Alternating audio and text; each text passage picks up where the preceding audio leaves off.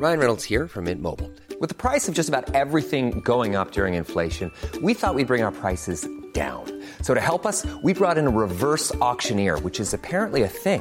Mint Mobile unlimited premium wireless. Ready to get 30, 30, bit to get 30, bit to get 20, 20, 20, bit to get 20, 20, bit to get 15, 15, 15, 15 just 15 bucks a month. So, Give it a try at mintmobile.com slash switch.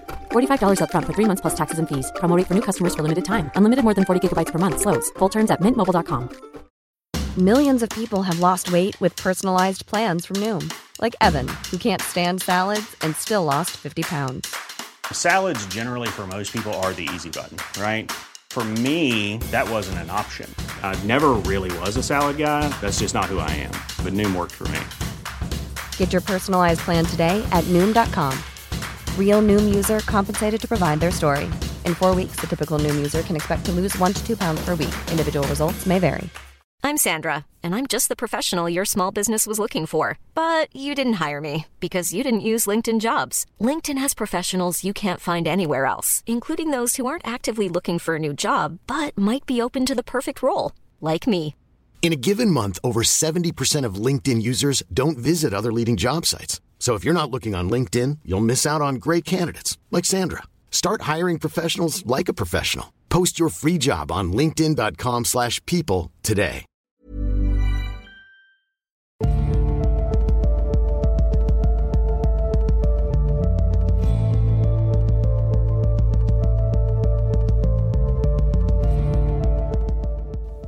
Hei og velkommen til Tåkeprat.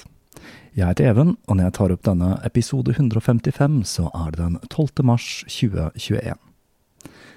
Da var vi endelig i gang igjen.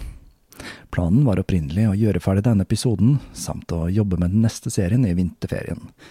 Men da skulle jeg gå på en liten smell, og jeg innså etter hvert at jeg var blitt utbrent, så jeg måtte sette både jobb og podcast på vent i et par uker. Det positive som kom ut av denne uplanlagte pausen, er at det blir en liten ekstraepisode i forbindelse med dette. Først så tenkte jeg å lage en monolog om korona, psykiske lidelser og ettervirkninger av nedstengningen av samfunnet. Men etter å ha grublet mye, kanskje litt for mye, så slo det meg at dette er en problemstilling jeg aller helst burde dra inn flere personer for å diskutere i plenum. Så som et plaster på såret for den lange ventetiden, en ventetid jeg mistenker har gnaget meg verre enn dere som følger podkasten, så ble jeg akkurat ferdig med en innspillingen av en bonusepisode med blant annet Thomas Seltzer, som kommer denne helga. Nå er iallfall denne siste delen i serien om Walter Freeman ferdig, og jeg må si at det er litt underlig å jobbe med en serie som i bunn og grunn handler om behandlingen av psykiske lidelser, når jeg selv akkurat har gått på en smell. Det er litt som det er en slags underlig synkronitet mellom meg og tåkeprat. Vi får håpe at dette ikke gjør seg gjeldende når jeg nå snart skal bevege meg inn i enda mørkere farvann i den neste serien jeg har planlagt. Men nok spekulasjon om mystiske forbindelser mellom podkast-tematikk og privatliv. Nå er det endelig duket for den siste delen i serien om vår antihelt, Walter Freeman.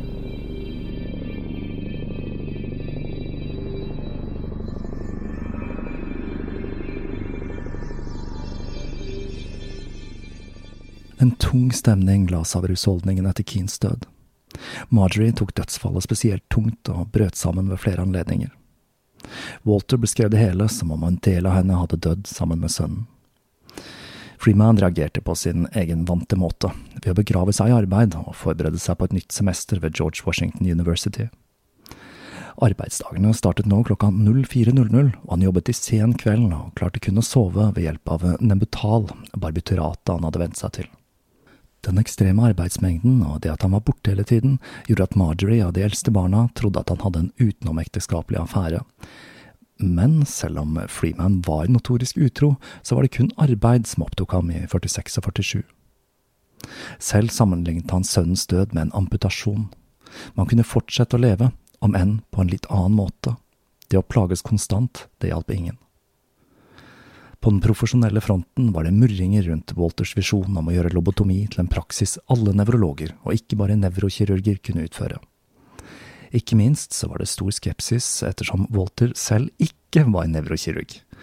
Men han på sin side, han fnyste av kritikken, og uttalte at kirurgene ikke hadde enerett på hjernen, og at operasjonen var så enkel at alt helsepersonell kunne lære seg den med kun litt grunnleggende opplæring.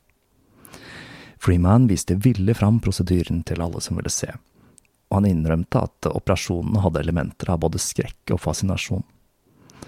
Han koste seg når det ble for mye, og enkelte av publikummerne, inkludert leger, besvimte ved synet av denne middelalderske metoden hvor han banket isakken gjennom øyehulen. Blant kritikerne finner vi den svenske psykiateren Gösta Rylander, som var en venn av Freeman, og som hadde vært en av de tidligste tilhengerne av lobotomi.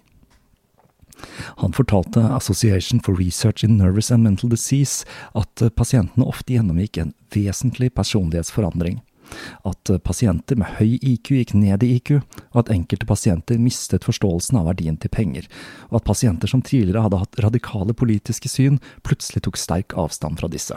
Og det er noe vi kommer tilbake til senere. Walter på sin side, han sa da at jo da, lobotomien kunne senke IQ-en på pasienter med høy IQ, men den kunne også virke motsatt, ved å øke den hos pasienter med spesielt lav IQ. Som en slags utligning der, altså. I løpet av de elleve årene etter den første transorbitale lobotomien på Ellen Ionesco opererte Walter på mer enn 2400 pasienter. For Walter var dette den perfekte psykokirurgiske operasjonen. Nå var han ikke lenger avhengig av operasjonssal eller kirurger. Og med det så kunne entertaineren Freeman slå seg løs.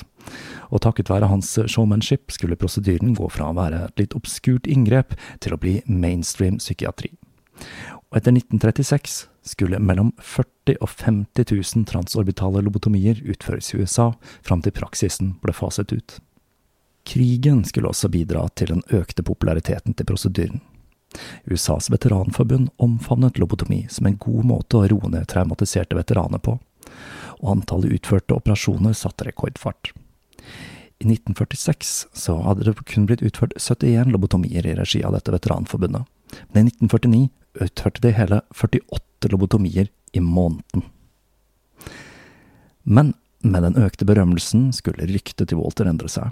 Han ble ikke lenger omtalt som en nevrolog, men som en lobotomist. Det var flere enn Freeman som kastet seg på bølgen. En av disse var James G. Liley. Han likte lobotomi, men ikke prosedyren What's a Freeman hadde utviklet. Han følte nemlig at man burde se hva man holdt på med, og ikke rote rundt blindt inni skallen på folk.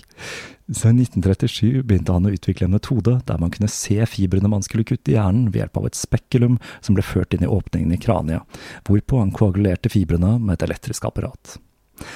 Og her må jeg skyte inn at apparat det er et av mine favorittord på norsk, og et jeg syns vi skulle bruke mer, som for eksempel hva slags apparat er det der, eller telefonapparat. Uansett. Freeman og Watts fnyste av metoden til Lærley og uttalte at selv om kirurgen ser hva han kutter, så vet han ikke hva han ser. Det er jo en ganske betryggende uttalelse. Det var flere som forsøkte å raffinere teknikken, som Lawrence Poole fra Columbia University, som i 1946 lanserte sin egen metode han døpte topektomi, hvor man fremfor å kutte nerveforbindelser i hjernen, fjernet hjernemasse med en skalpell. I 1947 ble det igangsatt et eksperiment der man skulle se hvilken metode som var mest effektiv. Det ble utført to serier med eksperimenter, og resultatet etter den første rekken med pasienter var nedslående. Freeman sa at dette skyldtes kvaliteten på pasientene de hadde operert på, og at dette var individer han selv ikke ville valgt til operasjon ved sin egen praksis. Og det kan faktisk se ut til at han var inne på noe. For i den andre serien med operasjoner så så det virkelig ut til at enkelte av pasientene hadde et fordelaktig utfall av prosedyren. Det at Walters metode var så rask og kunne utføres så å si hvor som helst, var også en klar fordel over topektomien. Og Poole innrømte etter hvert at Freeman sin metode var overlegen. Og det var eh, flere lobotomister. Mange flere. Hele 30 ulike teknikker for å gjøre inngrep i hjernen ble utviklet i denne perioden. Som eksempel en arg motstander av Freeman, James Poppen, som sugde ut deler av hjernen. En teknikk Walter sammenlignet med å dra en støvsuger over en tallerken spagetti. Og så var det andre lekre teknikker, som å utsette hjernen for nedfrysning, radioaktivitet og ultrasonisk lyd. Men det var Walters transorbitale lobotomi som virkelig fikk fotfeste. Teknikken skulle etter hvert bli mer akseptert i utlandet også. I hans internasjonale kollegaers øyne var Walter en slags underlig blanding av en psykiater og nevrolog som frontet en metode som fikk mange til å klø seg i hodet. Freeman benyttet seg nemlig av sin gryende berømmelse til å reise rundt og demonstrere teknikken i ulike land. Et høydepunkt var når han i 1948, med hjelp fra portugisiske myndigheter og Moniz, klarte å dra i gang verdens første internasjonale psykokirurgiske kongress. Et arrangement som tiltrakk seg mer enn 100 deltakere.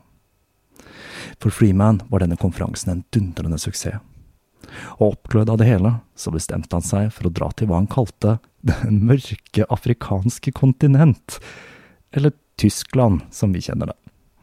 Som vi husker, så hadde ikke tyskerne vært spesielt interessert i metoden, da de hadde funnet andre måter å kvitte seg med psykiatriske pasienter på. Men nå følte Freeman tiden var inne for å forsøke seg på ny, og han la i vei til Freiburg for å gjøre to demonstrasjoner av transorbital lobotomi. Men det skulle jo vise seg at tyskerne ikke var blitt mer sugne på alternativ hjernekirurgi i kjølvannet av krigen og i de medisinske etiske reglene som Tyskland forpliktet seg til i Nürnberg i 1947, sto det svart på hvitt at eksperimentelle medisinske prosedyrer måtte være basert på dyreforsøk, eller med bakgrunn i en inngående forståelse av lidelsen. I tillegg så sto det at operasjoner måtte utføres i fasiliteter der det var mulig å behandle eventuelle skader etter operasjonen, og ikke minst at man måtte ha samtykke til pasienten, og at vedkommende måtte være i stand til å gi dette.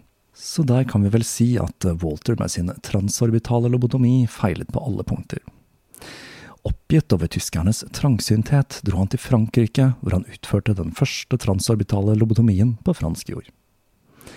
I årenes løp skulle Walter legge ut på mange slike turneer for å fremme metoden sin.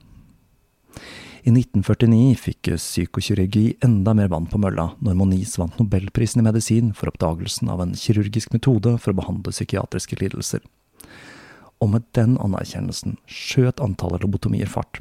Og i løpet av de fire neste årene ble hele 20 000 pasienter lobotomert i USA, hvorav en tredjedel var transorbitale lobotomier.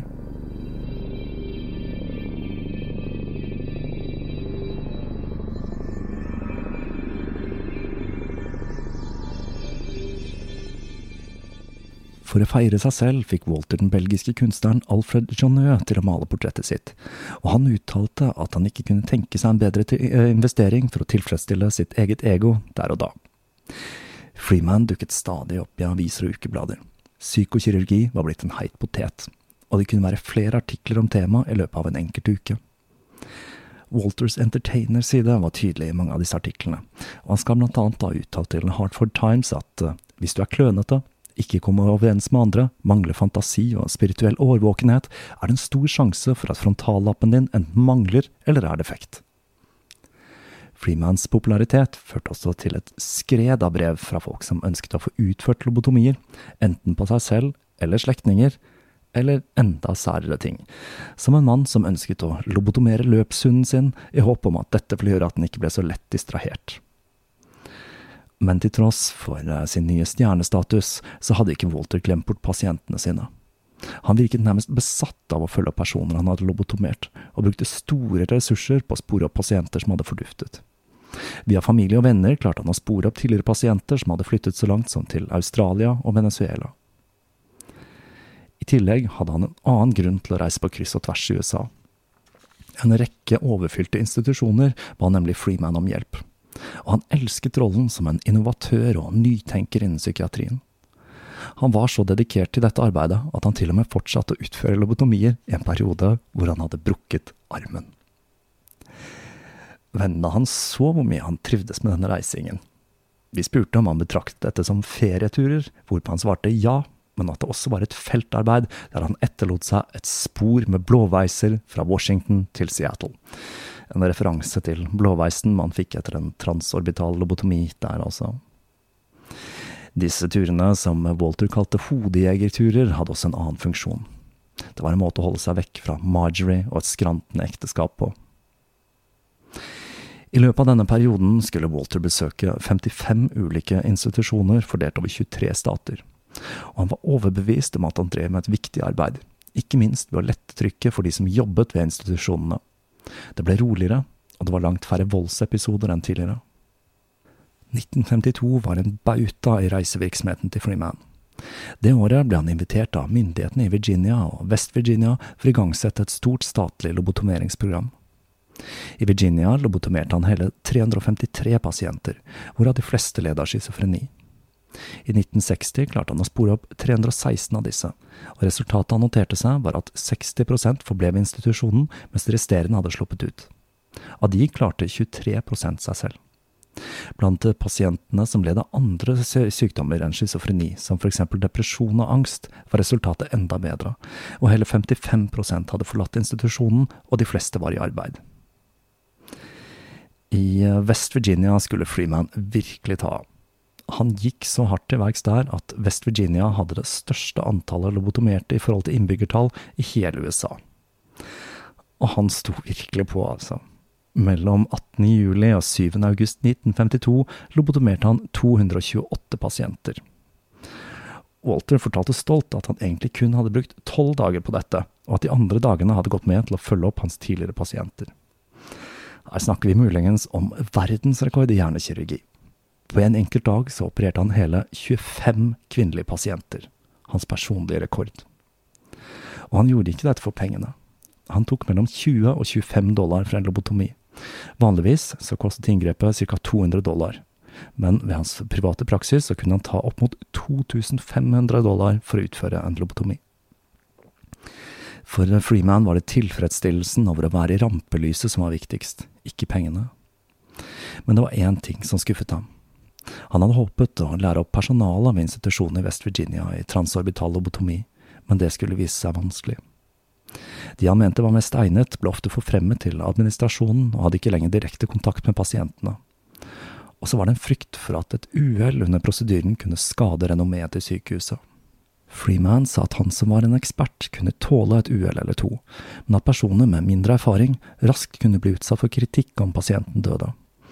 Og vår ekspert hadde et par uhell i West Virginia.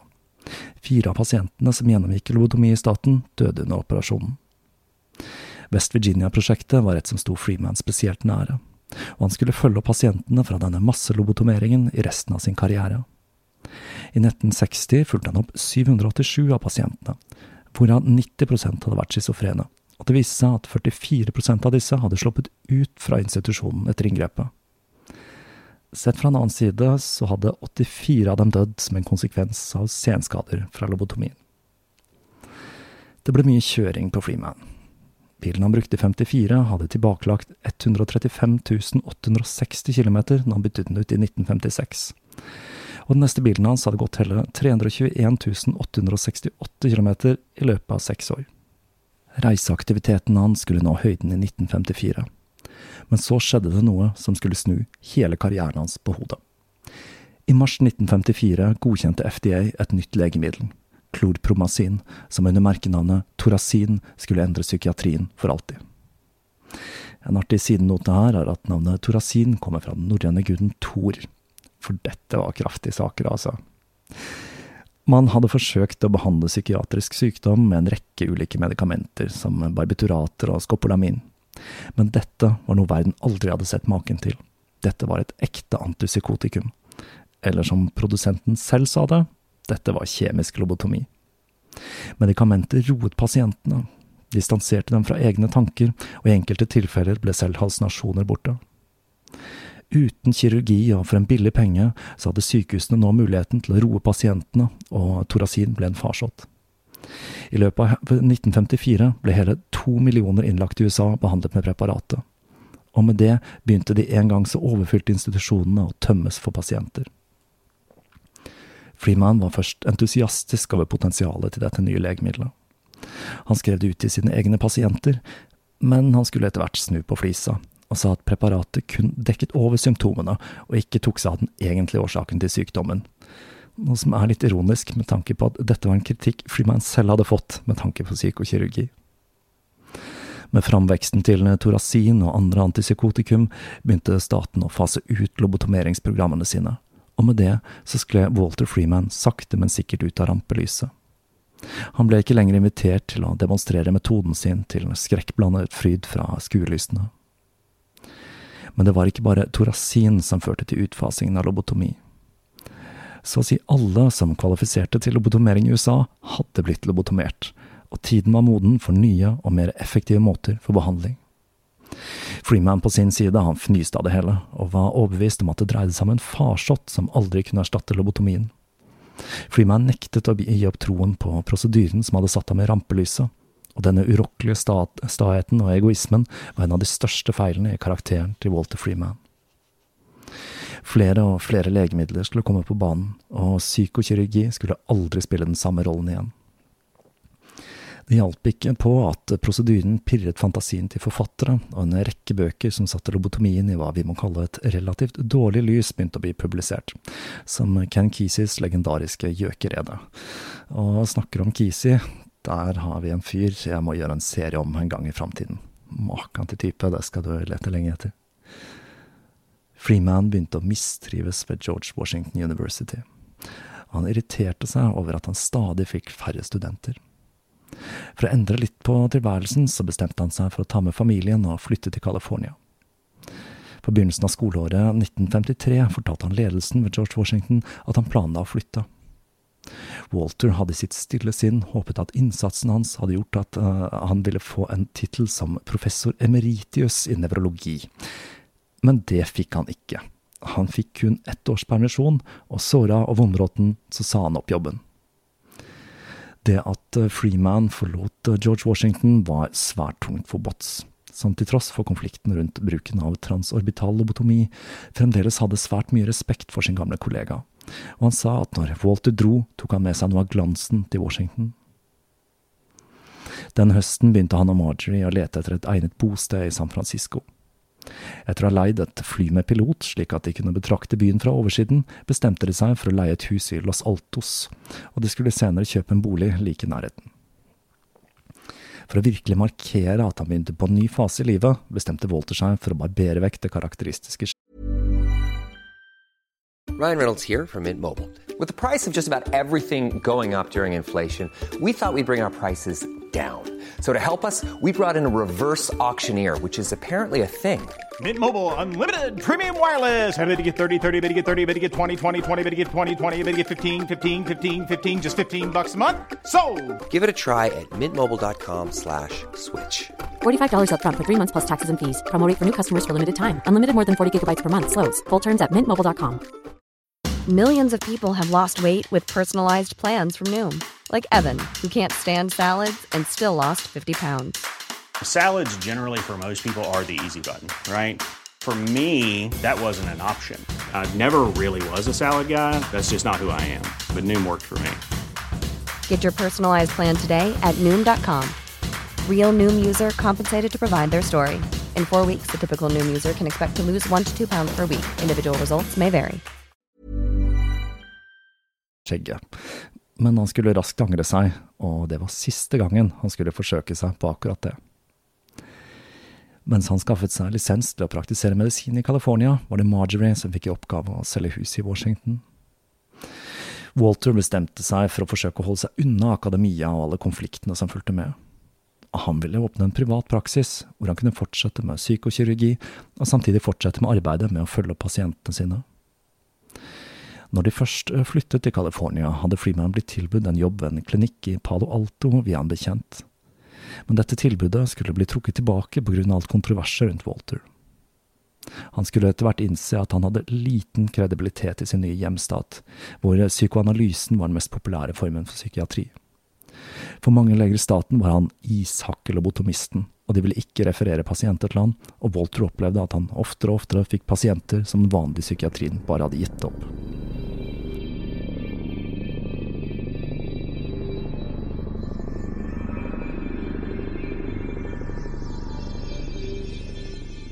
Han skulle få enda et hardt slag når hans eh, store helt og ledestjerne Egas Moniz døde i 1955.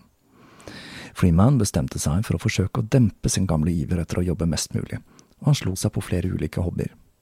Han var svært glad i å gå på tur, og gikk på lange fotturer og overnattet ofte ute. I tillegg så fikk han en fornyet interesse for en annen hobby han hadde hatt i ungdommen, nemlig røyking.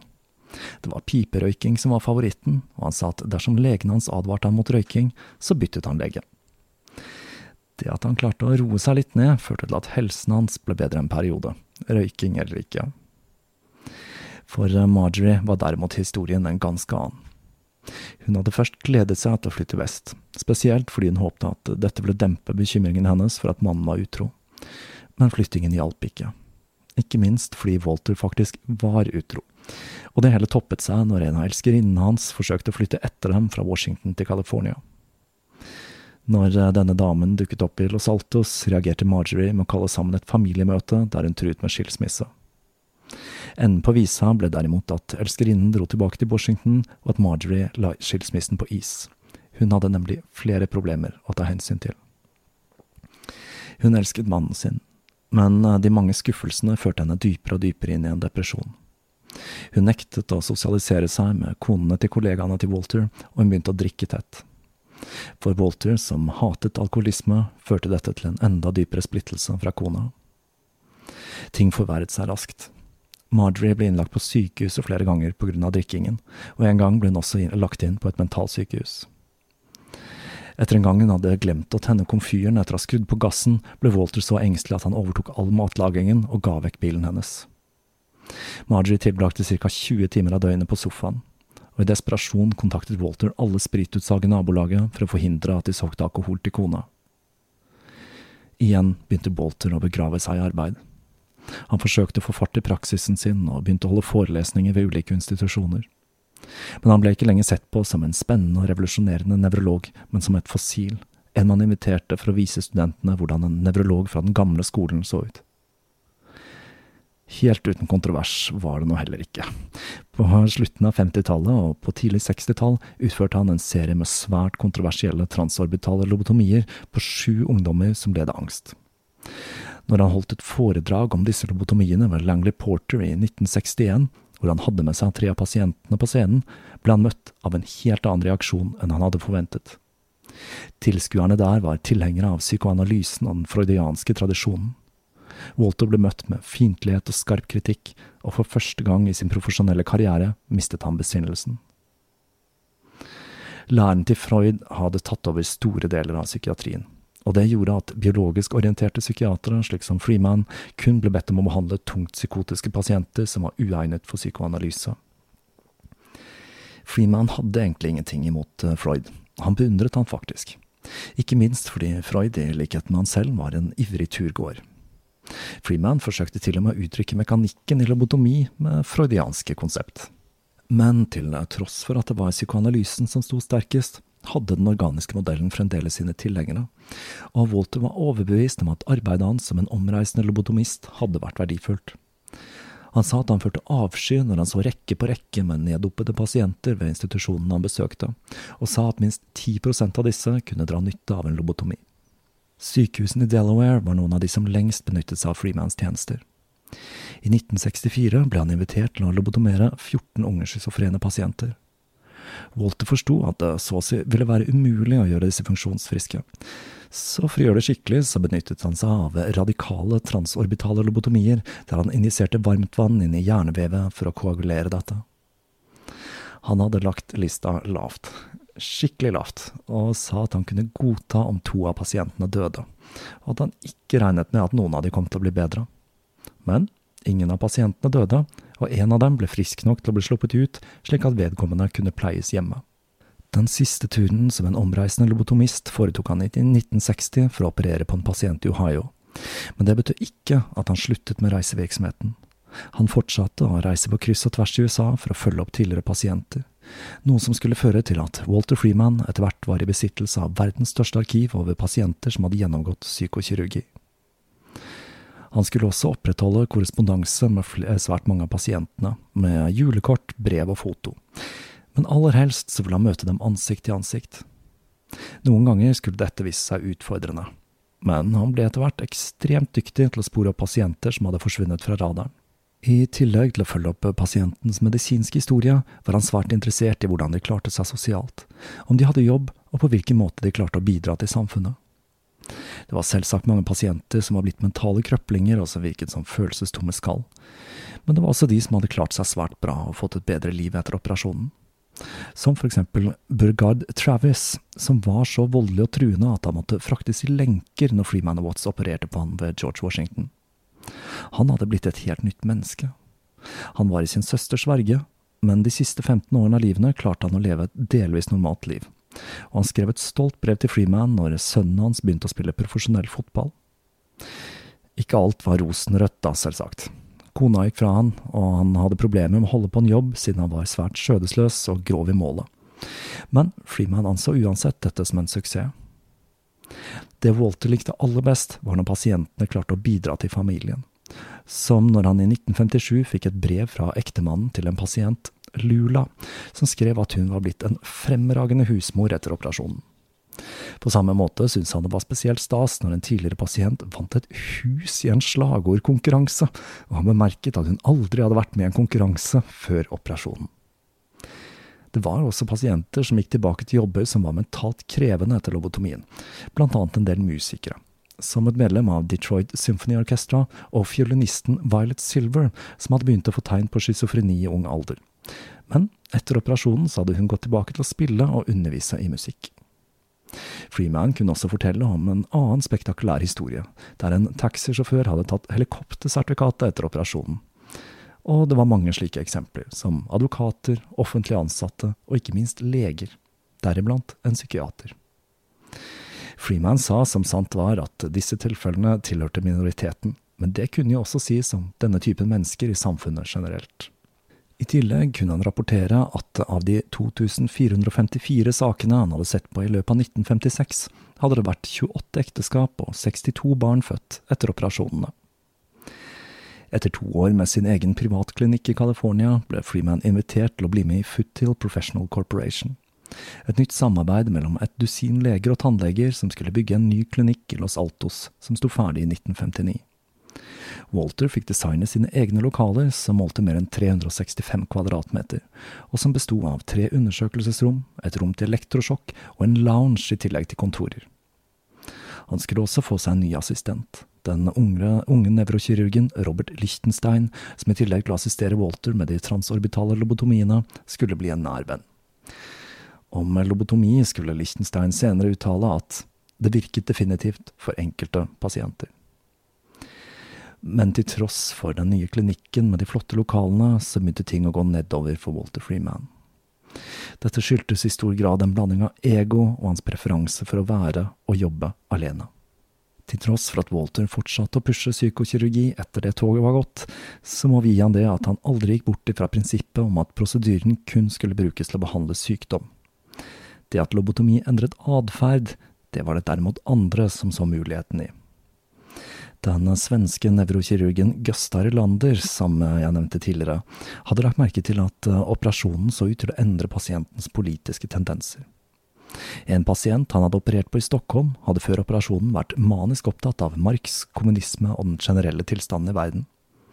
Etter lobotomien brydde han seg overhodet ikke om disse temaene, og etter et foredrag Relander holdt i New York om dette, så skrev tabloiden New York News en artikkel der de spekulerte i om lobotomi var en fin måte å bli kvitt kommunister på. Det var bare starten på en rykteflom. I årene etter begynte det å spre seg rykter om at Sovjet, til tross for at de hadde et offisielt forbud mot lobotomi, brukte inngrepet for å jernvaske politiske motstandere, som den vesttyske etterretningssjefen Otto Jon og kardinal Josef Mindestny av Ungarn. Min ungarsk er altså ganske dårlig. Det som er saken, er at USA selv forsket på muligheten for å ta i bruk lobotomi som et politisk verktøy. I 1952 engasjerte CIA psykiateren Henry P. Lowlin for å se på potensialet lobotomi hadde for å sette kommunister ut av spill. Lowlin, som også var interessert i ting som hypnose av fanger som var satt ut av spill av elektrosjokk, kom fram til at lobotomi, selv om det ikke ville fjerne sympatien til kommunisme, kunne frata vedkommende drivet og gløden til å drive med politisk aktivitet. Men til slutt så kom han fram til at det var for mye risiko forbundet med inngrepet, og rådet CIA kun til å bruke lobotomi i ekstreme tilfeller der nasjonal sikkerhet var truet. Det var altså ikke et helt utelukket virkemiddel. Man forsøkte også å kurere den kriminelle hjernen med lobotomi. Det mest beryktede tilfellet var når den 37 år gamle innbruddstyven Millard F. Wright, som etter å ha blitt arrestert flere ganger for mindre tyveri, i 1946 sto overfor en potensiell dom på 40 år. Før arrestasjonen i 46 så hadde han ikke vist noen tegn på mental lidelse, men denne gangen nektet han å spise og forsøkte å ta sitt eget liv. Advokaten hans la derfor en plan. Han ba om å få saken utsatt, slik at klienten kunne gjennomgå en lobotomi for å behandle personlighetsforstyrrelsene. Dommeren sa seg villig til dette, og Wright og advokaten begynte prosessen med å få han lobotomert. Verken Watts eller Freeman ville utføre dette inngrepet, men til slutt så fant advokaten en psykokirurg som var villig, og to måneder senere fant rettssaken sted. Wright hadde endret personlighet. Psykiateren sa at han var blid, sosial og avslappet, og at de kanskje hadde klart å kurere impulsen til å stjele, men at han måtte settes fri i samfunnet slik at han hadde muligheten til å leve et normalt liv så han kunne bevise dette. Dessverre så hadde dommeren som hadde tillatt utsettelse og lobotomi, dødd i løpet av de to månedene, og den nye dommeren var redd for at dersom Wright ble frifunnet, ville flere kriminelle la seg lobotomere for å slippe fri. Han dømte derfor Wright til en såkalt lav straff, to til tolv år i fengsel. Den straffen var ikke lav nok for Wright, som knuste brillene sine og kuttet pulsårene før han hang seg i politiets varetekt. Selv om Walter var 72 år gammel, følte han seg fullt kapabel til å utføre lobotomier.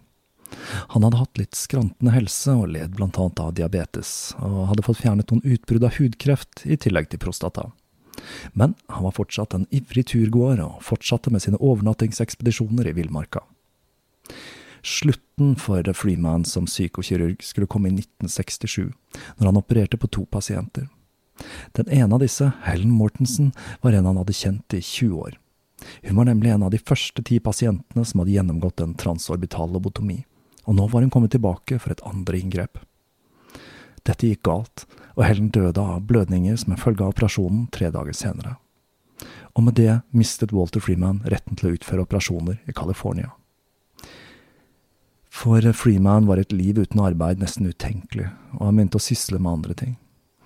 Et favorittema var selvmordsraten blant psykiatere, som var åtte ganger høyere enn hos gjennomsnittet. Freeman skyldte selvsagt på psykoanalysen for dette. Samtidig så studerte han selvmordsraten hos sine tidligere pasienter, og fant ut at kun 22 av 849 dødsfall skyldtes selvmord. Man kan jo da stille seg spørsmålet om Freeman selv tenkte på å ende sine dager ved egen hånd. Nå som han hadde mistet jobben som lobotomist, så var det ikke stort igjen av livet hans. For Marjorie sin del så gikk det også rakt nedover. Hun snublet, falt og brakk hoften, og etter operasjonen så ble hun lagt inn på et pleiehjem hvor hun falt og brakk den andre hofta. I tillegg så begynte hun å vise tegn på demens. Den ene sønnen Randy var også syk, og hadde blitt operert for føflekkreft med usikre resultater. På toppen av det hele ble Walter selv diagnostisert med en sjelden type tarmkreft og måtte gjennomgå en operasjon. Men han tok ikke livet sitt, og fortsatte med turgåing. For å ha noe å jobbe med, så begynte han å skrive en bok, Psykiateren, som blandet korte biografier av kjente psykiatere, anekdoter og hans nye favorittema, selvmord. Men boka, som ble ferdig i 1966, skulle til hans store skuffelse ikke få den mottagelsen han hadde håpet på. Walter funderte på hva han skulle gjøre. Alene og uten muligheten til å jobbe, bestemte han seg for å legge ut på en reise. Han stengte legekontoret sitt, solgte huset og kjøpte seg en campingbil. En 1967 Clark Cortez som han fylte opp med turutstyr. Planen var å besøke pasientene en siste gang, i hva han omtalte som den store menneskejakten i 1968.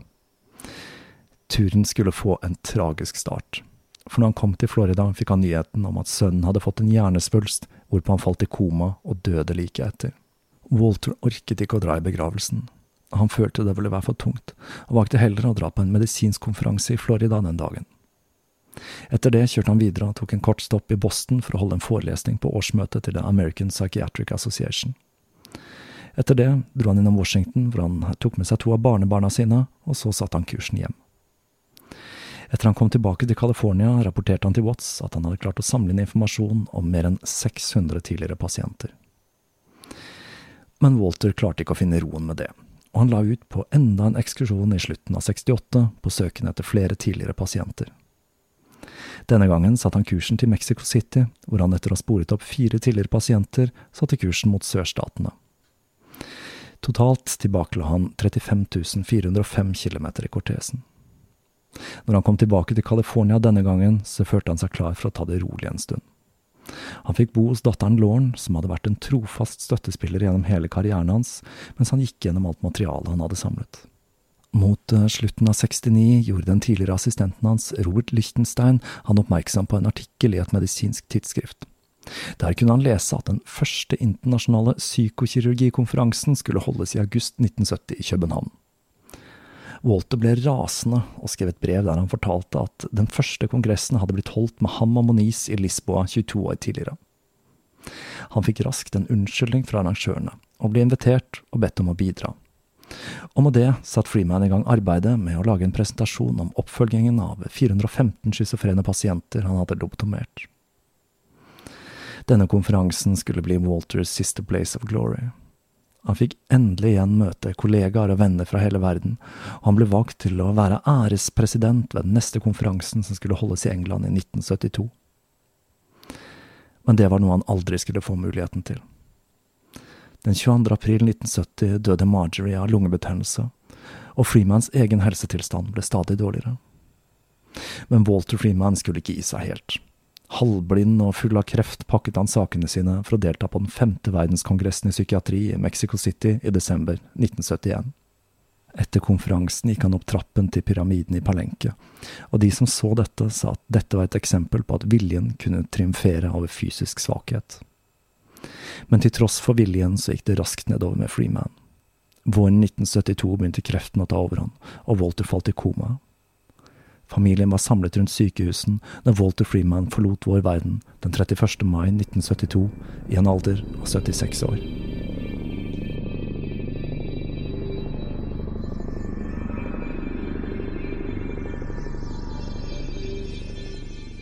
Og det var historien om mannen som populariserte lobotomi.